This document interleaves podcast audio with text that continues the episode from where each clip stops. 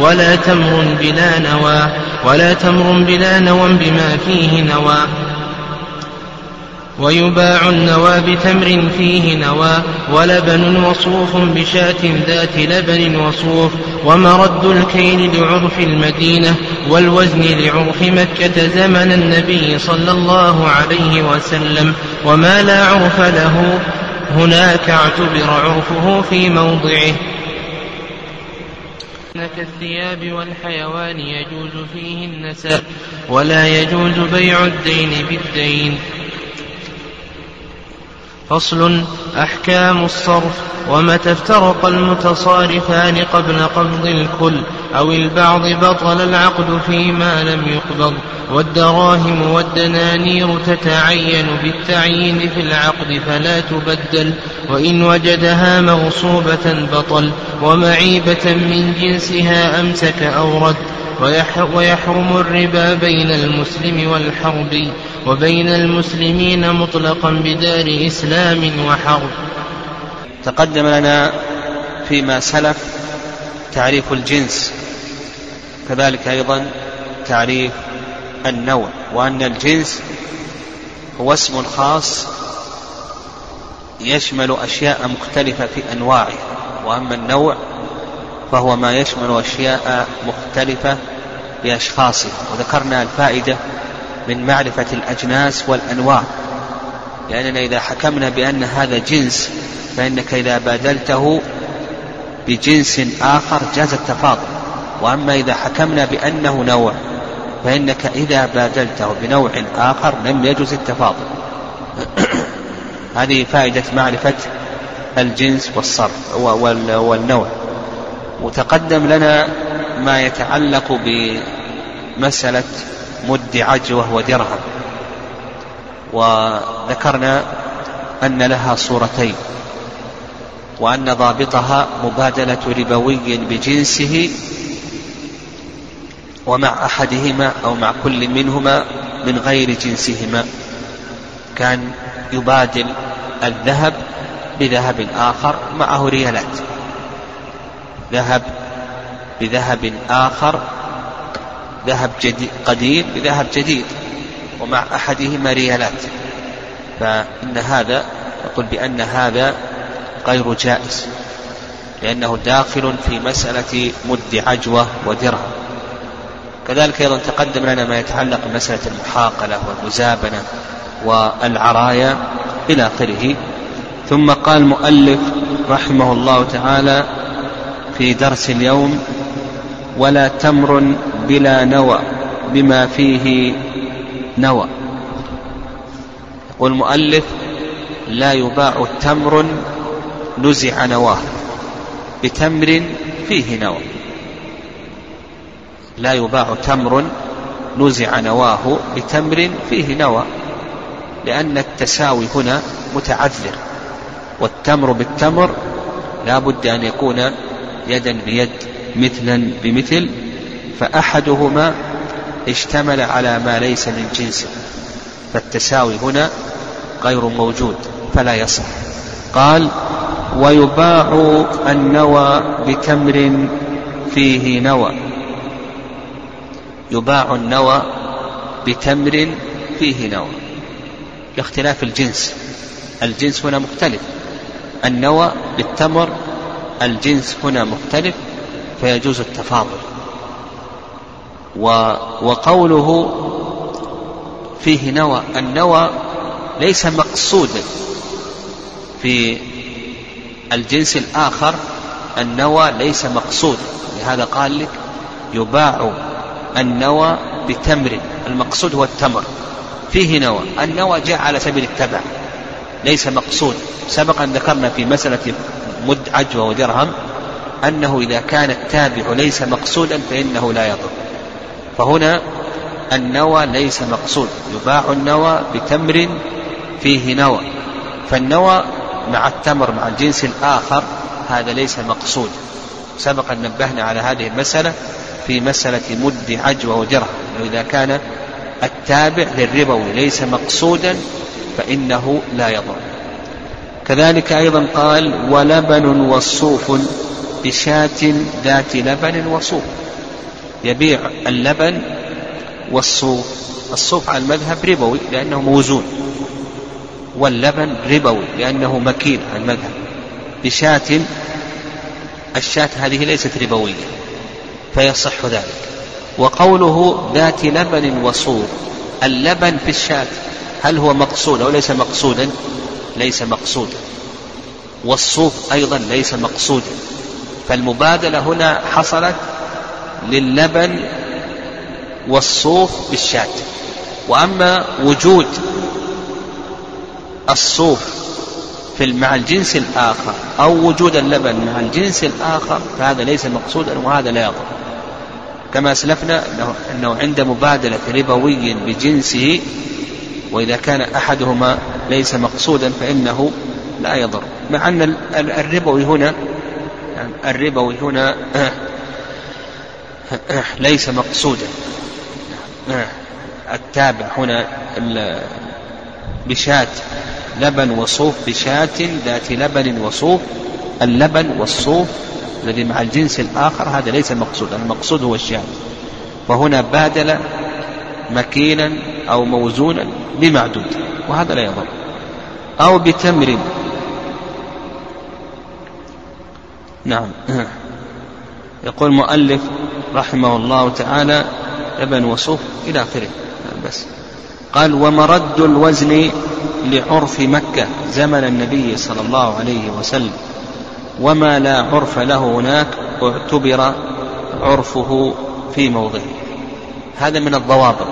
يعني هذا من الضوابط الربوية. سبقا ذكرنا جملة من الضوابط الربوية ومن الضوابط التي ذكرنا أنه إذا اشترط التساوي عند مبادلة جنس ربوي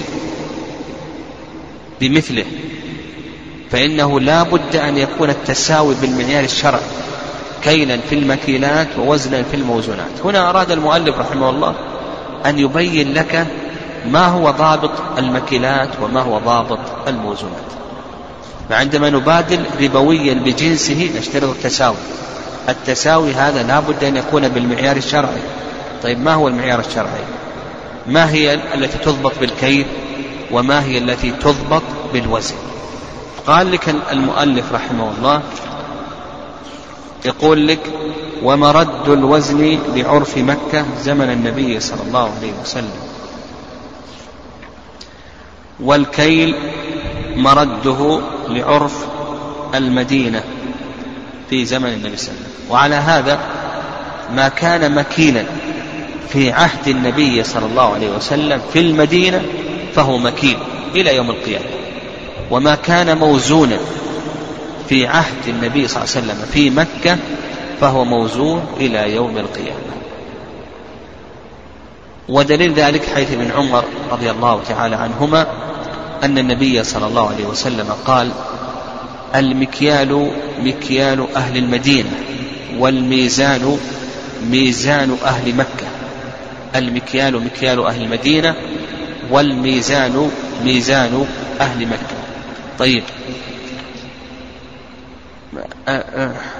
قال لك ما لا عرف له هناك؟ الذي ليس له عرف في مكة وفي المدينة قال لك نعتبر عرفه في موضعه. نعم نعتبر عرفه في موضعه. يعني إذا وجدنا شيئا ليس له عرف لا في مكة ولا في المدينة. فيقول لك المؤلف رحمه الله نعتبر عرفه في موضعه. شيء من المطعومات. ليس له عرف في مكة. يعني في مكة ليس له عرف أنه موزون. وفي المدينة ليس له عرف أنه مكين. نعتبر عرفه في موضعه وإذا كان في موضعه مكين فهو مكوي مكين. إذا كان في موضعه موزون فهو موزون. هذا ما ذهب إليه المؤلف رحمه الله تعالى.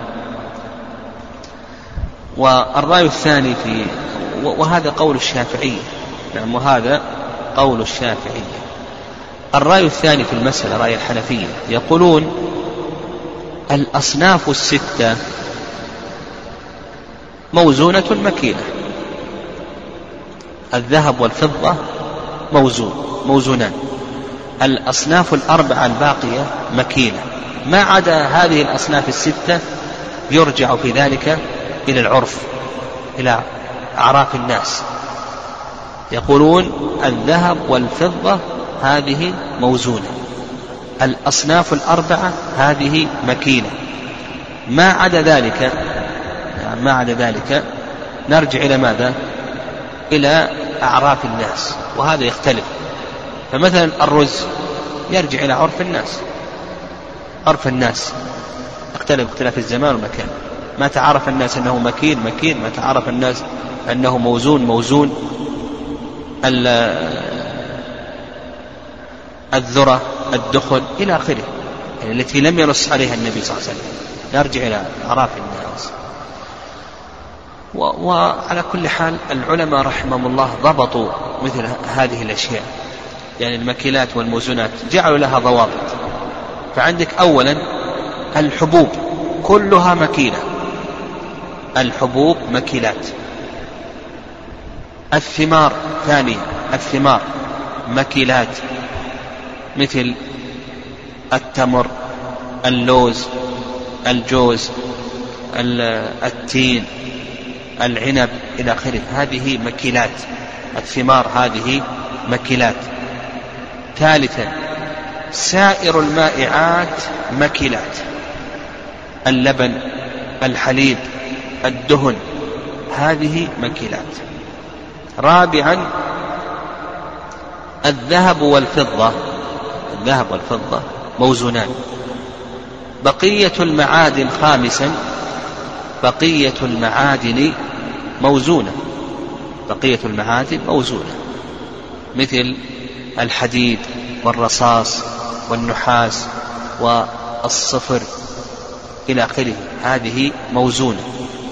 سادسا اللحم والشحم والسكر. نحو ذلك هذه موزونة.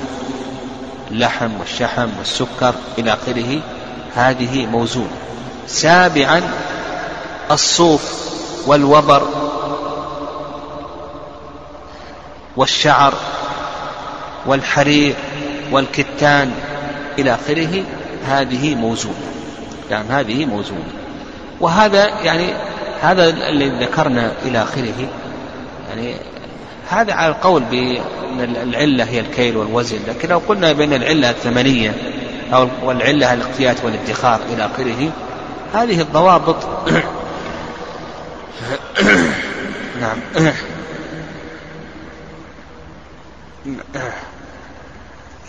نحتاج إليه. يعني يعني على القول بين العلة الكيل والوزن فالأمر ظاهر. وعلى القول بين العلة الثمنية ما نحتاج إلى معرفة الوزن في الحديد والصفر والنحاس إلى آخره لأن الربا لا يجري مثل هذه الأشياء. ولا نحتاج أيضا إلى معرفة الوزن في الشعر والصوف والقطن والكتان لأن هذه الأشياء لا يجري فيها الربا. لا يحتاج لا نحتاج أن نعرف أنها موزونة وأن معيارها الوزن. لكن الذي يجري فيه الربا نحتاج إلى أن نعرف معياره. فمثلا البر والشعير والذرة والرز والدخن إلى آخره والثمار كما سلف. نحتاج أن نعرف نعرف آه، معياره. أيضا اللحم والشحم إلى آخره. نحتاج إلى أن نعرف معيارها الذهب والفضة نحتاج إلى أن نعرف معياره. فالذي يجري فيه الربا هو الذي نحتاج إلى أن نعرف معيار نحتاج إلى أن نعرف معياره إلى آخره. قال المؤلف رحمه الله تعالى فصل ويحرم ربا النسيئة في بيع كل جنسين اتفقا في علة ربا الفضل النسيئة في اللغة التأخير وأما في الاصطلاح فهي تأخ فهو تأخير القبض تأخير القبض في أحد العوضين اللذين اشتملا على علة ربا الفضل. تأخير القبض في أحد العوضين اللذين اشتملا على علة ربا الفضل مثال ذلك ذهب مع فضة. يجب أن يكون يدا بيد. ريالات سعودية بجنيهات مصرية. يجب أن يكون يدا بيد. لأن العوضين اشتملا على علة ربا الفضل وهي ماذا؟ الذهب والفضة ثمنية البر والشعير الكيل مع الطعم أو الكيل أو الاقتيات والادخار على حسب خلاف العلماء رحمهم الله تعالى. وعلى هذا نقول من الضوابط وهو الضابط السادس أو السابع كل ربويين كل ربويين اتفقا في العلة واختلفا في الجنس فإننا نشترط شرطا واحدا فقط كل ربويين. اتفقا في العلة واختلفا في الجنس فإننا نشترط شرطا واحدا فقط وهو الحلول والتقابض. نعم. الضابط الثامن كل عوضين اختلفا في العلة فإنه لا يشترط شيء.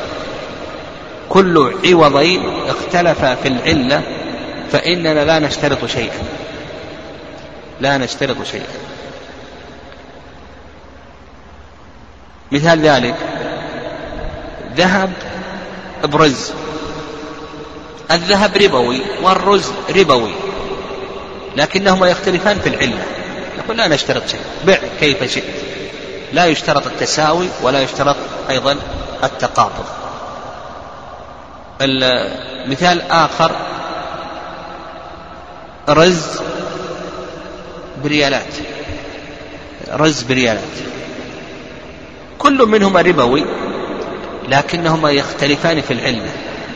الرز علته الاقتيات والادخار أو الطعم مع الكيل والريالات علتها الثمنية لا نشترط شيئا أيضا من الضوابط الضابط التاسع إذا تخلفت العلة في أحد العوضين أو في كل منهما فإنه لا يشترط شيء. إذا تخلفت العلة في أحد العوضين أو في كل منهما فإننا لا نشترط شيئا. مثال ذلك مثال ذلك كتاب بريالات أو كتب بريالات. الريالات فيها العلة العلة موجودة وهي الثمنية لكن الكتب العلة ليست موجودة ليست ثمنا ليست آه، مطعومة مكينة ليست مقتاتة مدخرة. علة الربا تخلفت منها. فنقول لا يشترط شيء. لا نشترط شيء. أيضا إذا تخلفت العلة عن كل من العوضين فإننا لا نشترط شيئا يعني تخلفت العلة عن كل من العوضين لا نشترط شيئا مثاله كتب أي شيء؟ أثواب كتب بأثواب سيارات ثلاجات. تخلفت العلة في كل من العوضين. لا نشترط شيئا بع كيف شئت. يجوز التفاضل ويجوز أيضا تأخير القبض. لا نشترط شيئا قال لك ويحرم ربا النسيئة في كل في في بيع كل جنسين. اتفقا في علة ربا الفضل ربا النسيئة محرم بالإجماع ويدل ذلك أيضا حديث أسامة بن زيد أن النبي صلى الله عليه وسلم قال لا ربا إلا في النسيئة إنما الربا في النسيئة. نعم إلى آخره. قال اتفق في علة ربا الفضل ليس أحدهما نقدا.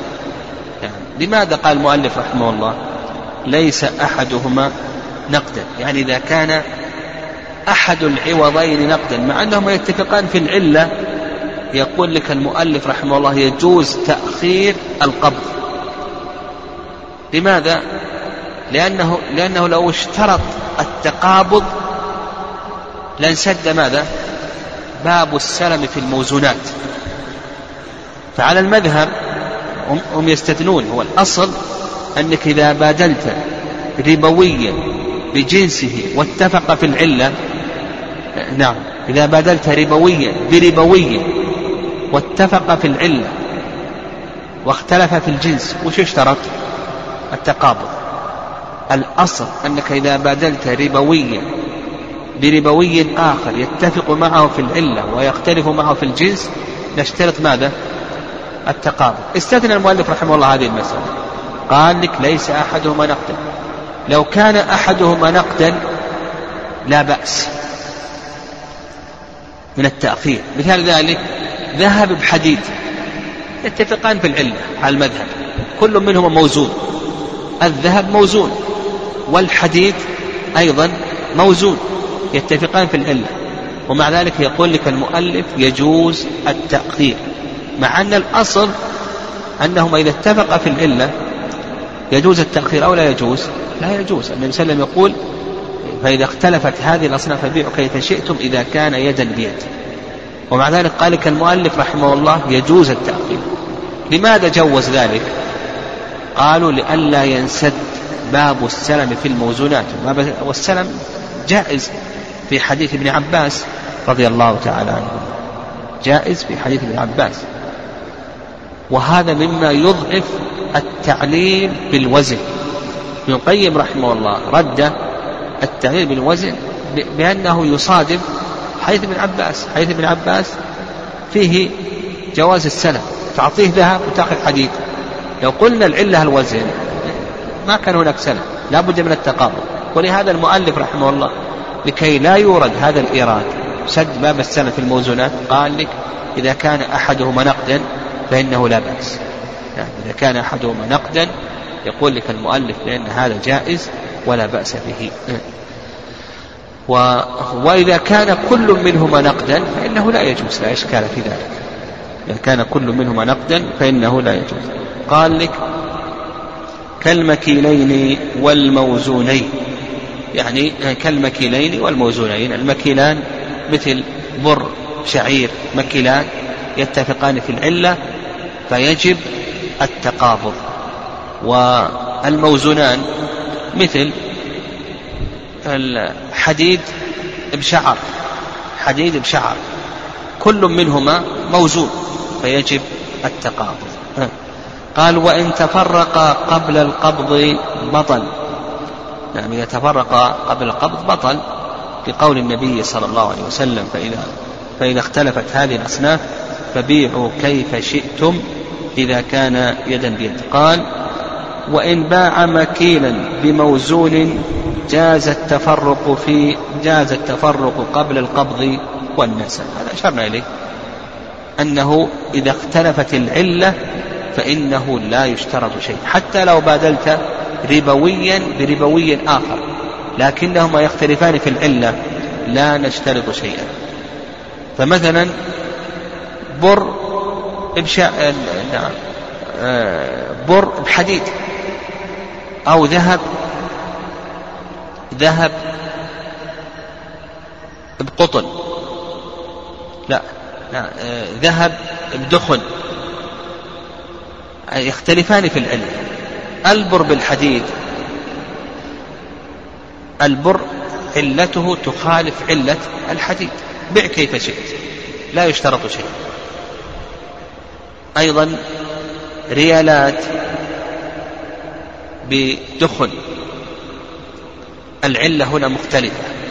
العلة هنا مختلفة. بع كيف شئت. فقال لك إذا باع مكيلا بموزون. باع مكيلا بموزون. ذهب برز. بع كيف شئت. لأنهما يختلفان في العلة. قال جاز التفرق قبل القبض والنسى ويجوز أيضا التفاضل من باب أولى. قال وما لا كيل فيه ولا وزن كالثياب والحيوان يجوز فيه النسى. نعم ما لا كيل فيه. هذا أيضا ذكرناه من الضوابط وهو إذا تخلفت العلة في العوضين أو في أحدهما فإنه لا يشترط شيء. تخلفت العلة في العوضين. قال لك كالثياب مع الكتب. كل منهما ليس ربويا لا نشترط شيئا. تخلفت العلة في أحدهما كالثياب مع الريالات. أحدهما ليس ربويا وهو الثياب لا نشترط شيئا. لا نشترط شيئا. قال يجوز فيه النساء. قال ولا يجوز بيع الدين بالدين. نعم بيع الدين بالدين. نعم بيع الدين بالدين. له صور ستأتينا إن شاء الله هذه الصور في آه، باب السنة. لكن المشهور من المذهب أن بيع الدين بالدين له ثلاث صور. المشهور من المذهب أن بيع الدين بالدين له ثلاث صور. الصورة الأولى بيع ما في الذمة بثمن مؤجل لمن هو عليه. بيع ما في الذمة بثمن مؤجل لمن هو عليه. مثال ذلك أنا أريد منك ريالات. عاطنا ريالات. قلت ما عندي ريالات. لكن معي جنيهات بعطيك جنيهات. عطنا ريالات ما معي ريالات لكن بعطيك بدلا من الريالات جنيهات. لا بأس أعطني جنيهات. واتفقنا الريالات مثل ألف ريال. كم تساوي بجنيهات؟ تساوي ألف جنيه. اتفقنا على ألف جنيه أخذها منك بعد أسبوع. ها؟ هذا بيع الدين على من هو عليه؟ بأي شيء؟ بثمن مؤجل. بيع ما في الذمة بثمن مؤجل على من هو عليه. هذا ما يجوز. هذا ما يجوز. و وبيع الدين على من هو عليه. هذه المذهب يرون كما تقدم أن هذا غير جائز. بيع الدين على من هو عليه. الصحيح أنه يجوز لكن بشرطين. يعني بيع الدين على من هو عليه نقول يجوز بشرطين. الشرط الأول أن يكون بسعر يومه والشرط الثاني التقابض إذا كان العوضان يجري بينهما ربا النسيئة نقول الشرط الأول ماذا؟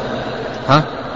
أن يكون بسعر يومه والشرط الثاني التقابض إذا كان العوضان يجري بينهما ربا النسيئة نعم يجري بينهما ربا النسيئة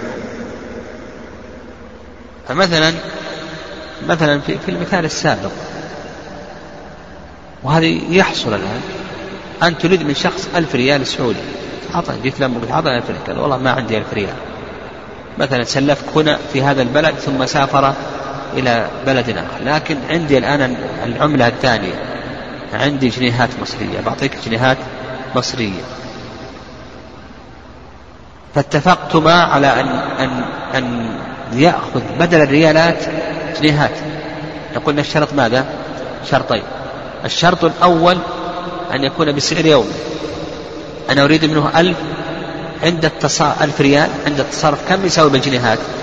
قالوا يساوي بالجنيهات ألف جنيه. الشرط الثاني التقابض إذا كان العوضان يجري بينهما ربا عندما تبادل الريالات بجنيهات يشترط القبض ولا ما يشترط؟ يشترط القبض. لا بد أن يكون يدا بيد ما تقول باتر تقلهم لا. لكن لو كنت أنا أريد منه ريالات تعطى ريالات قلت والله قال والله ما عندي ريالات. أبى أعطيك بدل الريالات ثياب عندي ثياب ها؟ وش نشترط هنا؟ نشترط شرطا واحدا فقط أن يكون بسعر يوم أما القبض فهذا ليس شرطا لماذا؟ لأن العوضين لا يجري بينهما ربا النسيئة يجوز التأخير. فمثلا أعطنا الألف ريال السعودي. قال والله بعطيك سيارة عندي سيارة. أريد منه عشرة آلاف. أعطني عشرة آلاف. قال والله ما عندي عشرة لكن عندي هالسيارة. نقول نشترط ماذا؟ أن يكون بسعر يوم. أما القبض حتى لو ما قبضت السيارة إلا بعد. يوم يومين هذا لا بأس. يعني هذا لا بأس. وهذا بيع الدين على من هو عليه. لأن لأني أريد منك هذه الألف بعت عليك هذه الألف بالسيارة. بعت عليك هذه الألف بالسيارة. طيب هذه الصورة الأولى من صور بيع الدين. هذا من المذهب. كذلك أيضا الصورة الثانية. يعني الصورة الثانية. جعله رأس مال سلم. وهذا من قلب الدين. جعله رأس مال سلم. هذا من قلب الدين. مثلا أنا أريد منك ألف ريال. جيت لمك قلت أعطنا ألف ريال. قلت أنت ما معي ألف ريال. لكن أعطيك بعد شهر. خلي هذا رأس مال سلم. أعطيك بعد شهر عشرة أثواب. عشرة ثياب ما يجوز. هذا من قلب الدين. هذا محرم ولا يجوز. جعله رأس مال سلم. واضح؟ ما بواضح. ها؟ لا قبل ها؟ إيه إيه. شلون؟ إلا هذا بسعر بسعر يومه هذا ليس بسعر يومه إحنا قلنا إحنا قلنا يشترط شرطان في المسألة السابقة على الصحيح. لكن هنا لأنه في السلم تقديم الثمن وتأخير المثمن. ولا شك أن المثمن إذا كان مؤخرا سيكون فيه زيادة. فأنا جيت لمه أعطنا ألف أريد منك. ما عندي ألف لكن أعطيك بدلا منها ثياب بعد شهر. يعني ثياب بعد شهر. فهذه الثياب إذا كانت رأس مال سلم هذه الدراهم إذا كانت رأس مال سلم فإن السلم سيكون في زيادة في المثمن. يعني يكون في زيادة في المثمن. يكون هذا من قبيل قلب الدين. ألف ريال أثواب الأثواب هذه تكون بألف ومية ألف ومئتين يكون من قبيل طيب الصورة الثالثة المذهب الصورة الثالثة. قال لك وكذا بحال لم يقبض قبل التفرق. وكذا بحال لم يقبض قبل التفرق. هذه أيضا من صور بيع الدين بحال لم يقبض قبل التفرق. مثلا أنا أريد منه ريالات. قد حاطنا ريالات. قال ما عندي ريالات. لا على المذهب. أنا أريد منه ذهب مثلا. أعطاني ذهب. قال ما عندي ذهب. لكن أبعطيك بدلا من الذهب الأثواب. أعطيك بدلا من الذهب أثواب. على المذهب يجب القبض. وإذا ما قبض تفرق دخل في بيع الدين بالدين. والصحيح كما تقدم. الصحيح أنه إن كان يجري بينهما ربا نسيئة ها يجب القبض. والذهب مع الأثواب. يجري بينهما ربا النسيئة ولا يجري؟ نعم لا يجري. نعم لكن على المذهب أنه يجب القبض والصواب. أنه لا يجب. قال المؤلف رحمه الله فصل. ومتى افترق المتصارفان قبل قبض الكل أو البعض بطل العقد فيما لم يقبض. نعم. الصرف في اللغة يأتي لمعاني يأتي بمعنى الإنفاق ويأتي بمعنى البيع والتخلية والفضل والزيادة. ورد الشيء عن وجهه. الصرف في اللغة يأتي لمعان منها البيع والتخلية والفضل والزيادة. ورد الشيء عن وجهه وأما في الاصطلاح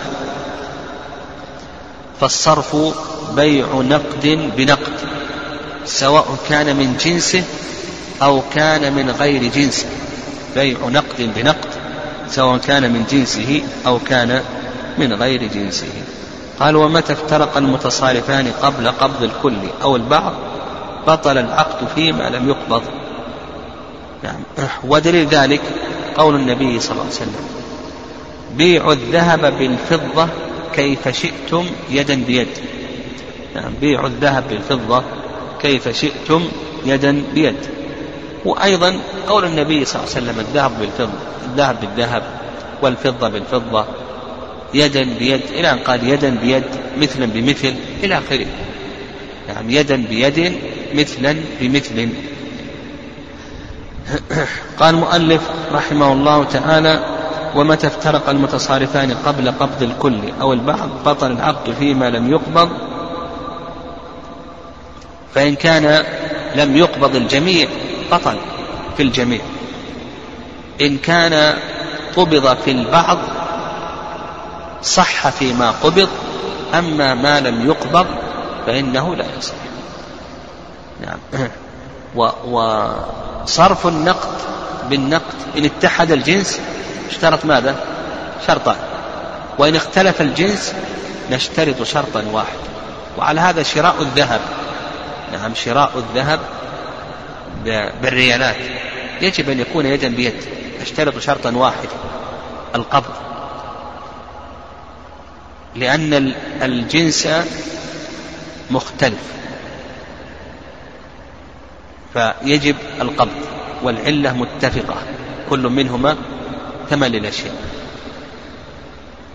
ونفهم أن شراء الذهب بالتقسيط أو بالدين أن هذا أن هذا كله محرم ولا يجوز وهو من الربا.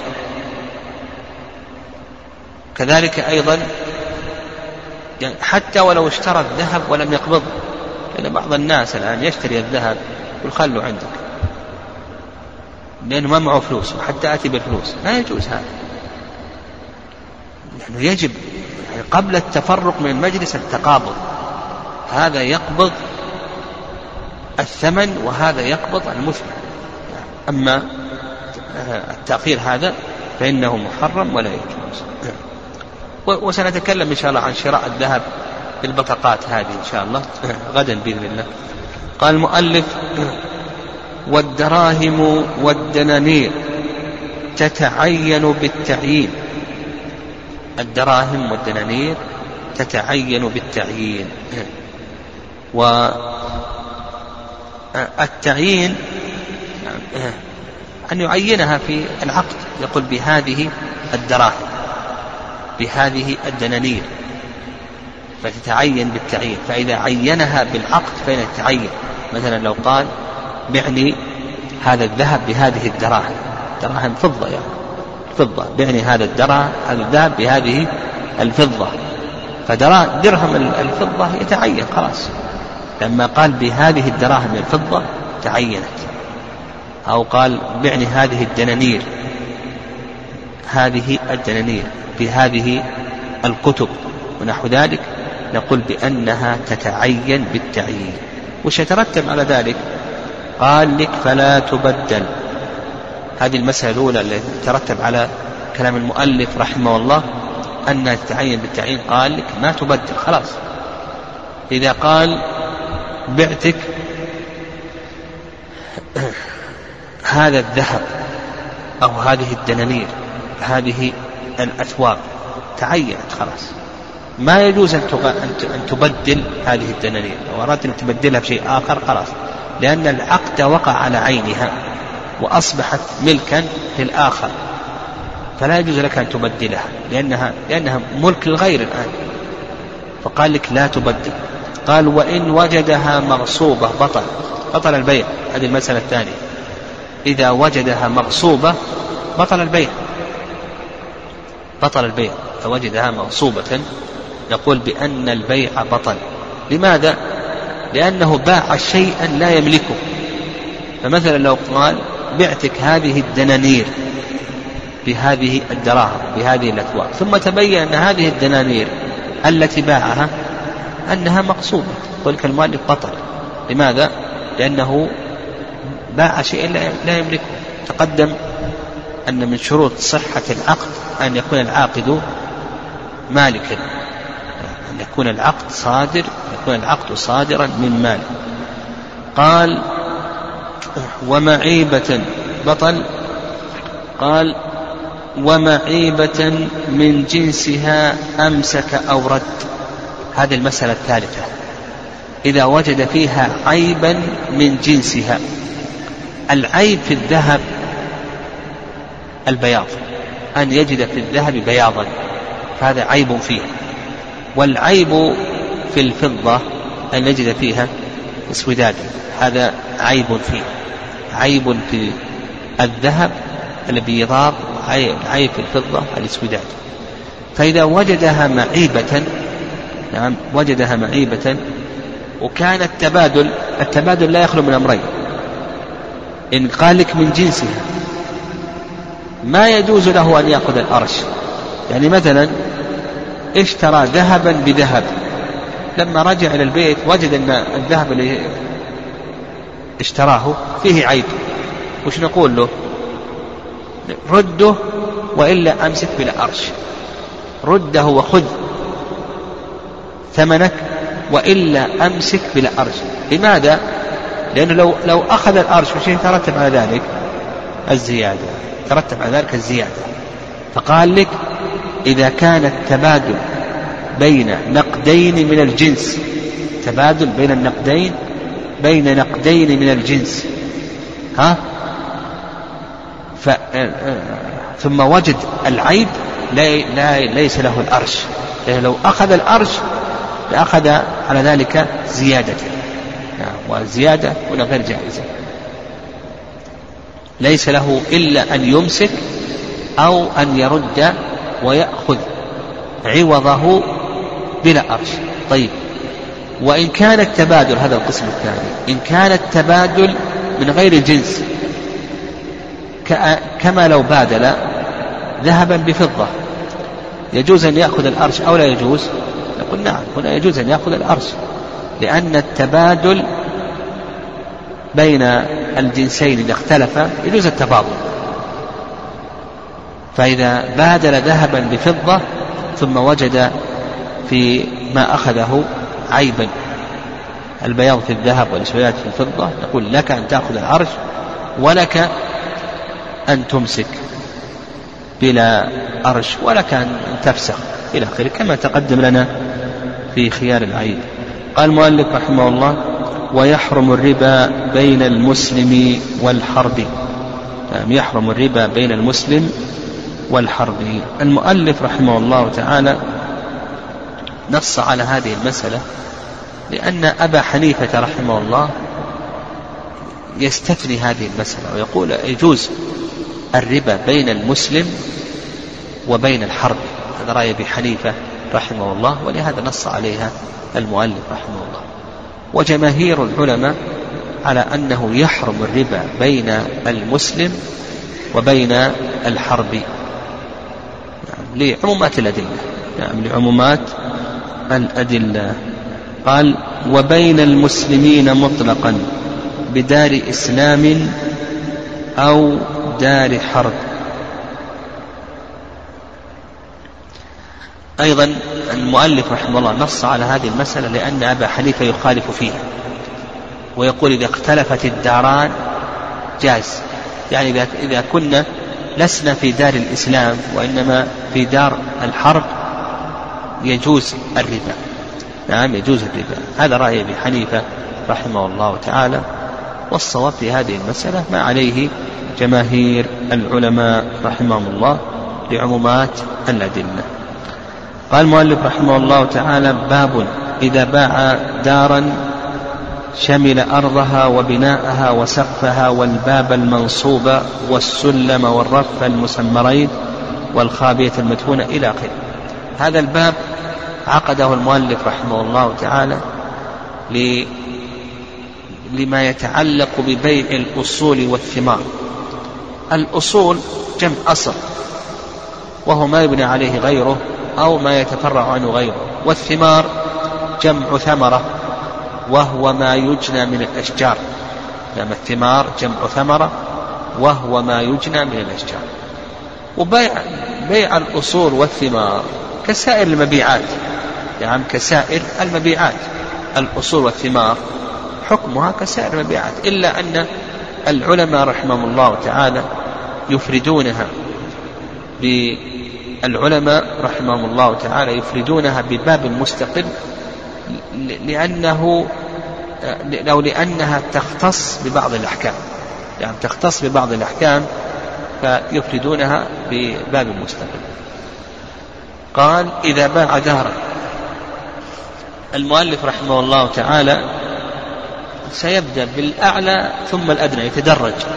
يبدأ ببيع الدار ثم بعد ذلك يتكلم عن بيع الأرض ثم بعد ذلك يتكلم عن بيع الأشجار ثم بعد ذلك سيتكلم عن بيع الثمار يعني ثم يتكلم عن بيع الثمار ثم بعد ذلك سيتكلم عن بيع الزروع عن بيع الزروع.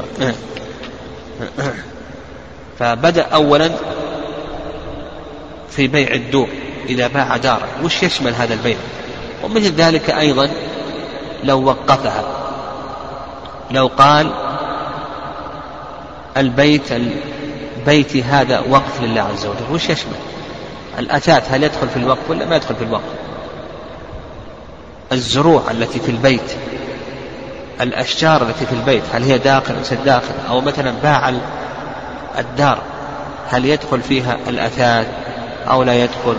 ما الذي يدخل؟ هذا هو أراد المؤلف رحمه الله أن يبينه إذا باع إذا وقف إذا وهب إذا أوصى إلى آخره. فما الذي يدخل في هذه الدار وما الذي لا يدخل في هذه الدار؟ فقال لك إذا باع دارا شمل أرضها. هذا هذا هذا الأمر الأول مما يدخل في بيع الدار أنه يشمل أرضها. يعني يشمل القرار إلى الأرض السابعة الأرض السابعة وعلى هذا لو أراد شخص أن يمر مواسير تحت بيتك ها لك أن تمنعه أو لا, أو لا تمنعه. يقول نعم لك أن تمنعه. لأنك الآن ملكت القرار. ملكت القرار إلى الأرض السابعة فلك أن تمنعه. فقال لك شمل أرضها. هذا الأمر الأول. قال لك وبناءها. هذا الأمر الثاني. يشمل بناء هذه الدار وهذا واضح. قال لك وسقفها هذا واضح هذا الأمر الثالث. يشمل السقف. قال لك والباب المنصوب والسلم والرف المسمرين. هذا الأمر الرابع. ما كان متصلا بهذه الدار. الأشياء المتصلة مثل الأبواب مثل النوافذ مثل المراوح الآن يوجد عندنا مثل المكيفات مثل المطبخ إلى آخره. كله داخل في البيع. لو أنه باعوا الدار ثم جاء البائع يفك المطبخ. إيش نقول؟ يجوز لك كل ما يجوز يقول ما يجوز دخل في البيع. ولهذا قال لك والباب المنصوب والسلم والرف المسمرين. مطقوق بالجدار المطبخ الآن مطقوق بالجدار مثل أيضا الفرش الفراش. قد يكون ملزق بالأرض خلاص داخل في البيع يقول هذا داخل في البيع نعم. فعندنا كل ما كان متصلا بهذه الدار يكون داخل وليس داخلا؟ داخل. داخل في الوقف داخل في الهبة داخل في البيع إلى آخره. كل متاع يكون متصل بهذه الدار. نقول بأنه داخل. كما ذكرنا الأبواب المكيفات الأنوار المطبخ إلى آخره. كل الأشياء التي تكون متصلة متصلة بين داخل البيت قال لك والسلم والرف المسمرين والخابية المدفونة. خابية. نعم الخابية يسمى بالحب. و يعني شيء مثل الزير مثل الزير يكون من ال من الطين من الطين الحر. ويدفن في الأرض يوضع فيه الطعام. يعني يوضع فيه الطعام يوضع فيه العيش البر ولا الشعير. ويستعمل الآن يعني هو كان كان يستعمل في القديم الآن يستعمل في بعض البلاد. سمعت أنه يستعمل. حتى الآن يستخدم في بعض البلاد. يحفر له يوضع يوضع فيه يحفظ فيه هذه الحبوب. فالخابية المدفونة يقول لك المؤلف رحمه الله تكون داخلة في أي شيء ها؟ في البيع لأنها متصلة. متصلة. يعني تكون داخلة. قال المؤلف رحمه الله تعالى دون ما هو مودع ما هو مودع فيها من كنز. المودع كم ذكرنا مما يدخل؟ ها؟ أربعة أشياء. الخامس الخامس الأشياء المودعة مثل الأشياء المودعة من الدراهم ونحو ذلك. كان في الزمن السابق خوفا على الأموال من السرقة. يحفرون أماكن في الجدران في الحيطان أو في الأرض ويودعون الأموال. نعم يودعون الأموال. هل هذه الأموال المودعة هل هي داخلة في البيع؟ أو نقول بأنها ليست داخلة في البيع؟ يقول لك المؤلف ليست داخلة في البيع مثل هذه الأشياء. نعم لأنها مرادة للنقل. قال وحجر ومنفصل منها كحبل ودلو وبكرة وقفل وفرش ومفتاح. هذا الأمر السادس. الأمر السادس. الأشياء المنفصلة. ليست داخلة في البيع ولا في الوقف ولا في الهبة ولا في الوصية. الأشياء المنفصلة. فمثلا مثلا الثلاجة. هل هي داخلة ليست داخلة؟ ها؟ نقول ليست داخلة. لو باع البيت ثم البائع أراد أن يأخذ الثلاجة. قال المشتري لا. من نقول القول قوله؟ البائع من هذه منفصلة. الثلاجة والكتب والغسالة منفصلة والأواني وكراسي آه، الجلوس ونحو ذلك. نقول هذه الأشياء ليست داخلة ليست داخلة في البيع ولهذا قال لك كحل كحبل ودلو بكرة قفل فرش ومفتاح. طيب الأمر الثامن الأمر الثامن أو السابع الأشياء المنفصلة التابعة لمتصل. الأشياء المنفصلة وهي تابعة لمتصل. نعم تابعة لمتصل. وش مثل؟ مثل المفاتيح المفاتيح منفصلة لكنها تابعة لمتصل. منفصلة لكنها تابعة لمتصل. طيب بالنسبة لهذه المفاتيح لمن تكون على كلام المؤلف أنها تكون لمن؟ للبائع. نعم للبائع. وعلى هذا يحتاج المشتري أنه يشتريها مرة أخرى من البائع. ولا تضيع عليه. ولا كود يغير الكوالين يعني فعلى كلام المؤلف ما دام أنها منفصلة فإنها تكون لمن؟ للبائع والرأي الثاني انها ما دام أنها تابعة لشيء متصل ما دام أنها تابعة لشيء متصل فإنها تكون لمن؟ تكون للمشتري وهذا القول هو الصواب يظهر والله أعلم أنها تكون للمشتري لأنها ما دام أنها تابعة لشيء متصل فنقول بأنها للمشتري وعلى هذا نقول المفاتيح نقول بأنها للمتصل طيب. الأمر الثامن ما فيها من غرس أشجار. كما لو كان فيها نخل أو أشجار توت أو زيتون أو برتقال أو تفاح ونحو ذلك نقول هذه الأشجار تكون تابعة تابعة للدار نعم وعلى هذا تكون ملكا للمشتري ملكا لمن وهبت له إلى آخره. الأمر التاسع الأمر التاسع الأمر التاسع الزروع التي توجد في هذه الدار. لو كان فيها زرع نعم زرع. فالزرع ينقسم إلى قسمين. القسم الأول ما يجز مرة واحدة والقسم الثاني ما يجز مرارا أو يلقط مرارا. فالذي يجز مرة واحدة وش مثل؟ مثل البر مثل البر يجز مرة واحدة. نقول هذا للبائع. أما الذي يجز مرارا أو يلقط مرارا يجز مرارا وش مثل؟ مثل الكراث كراث البرسيم. تجوزه تجزه ثم يخرج مرة أخرى. أو يلقط مرارا مثل الطماطم والباذنجان. تأخذ الثمرة ثم تعود مرة أخرى ثم تأخذ الثمرة إلى آخره.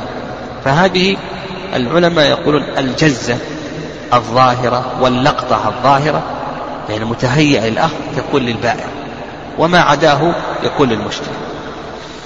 والله أعلم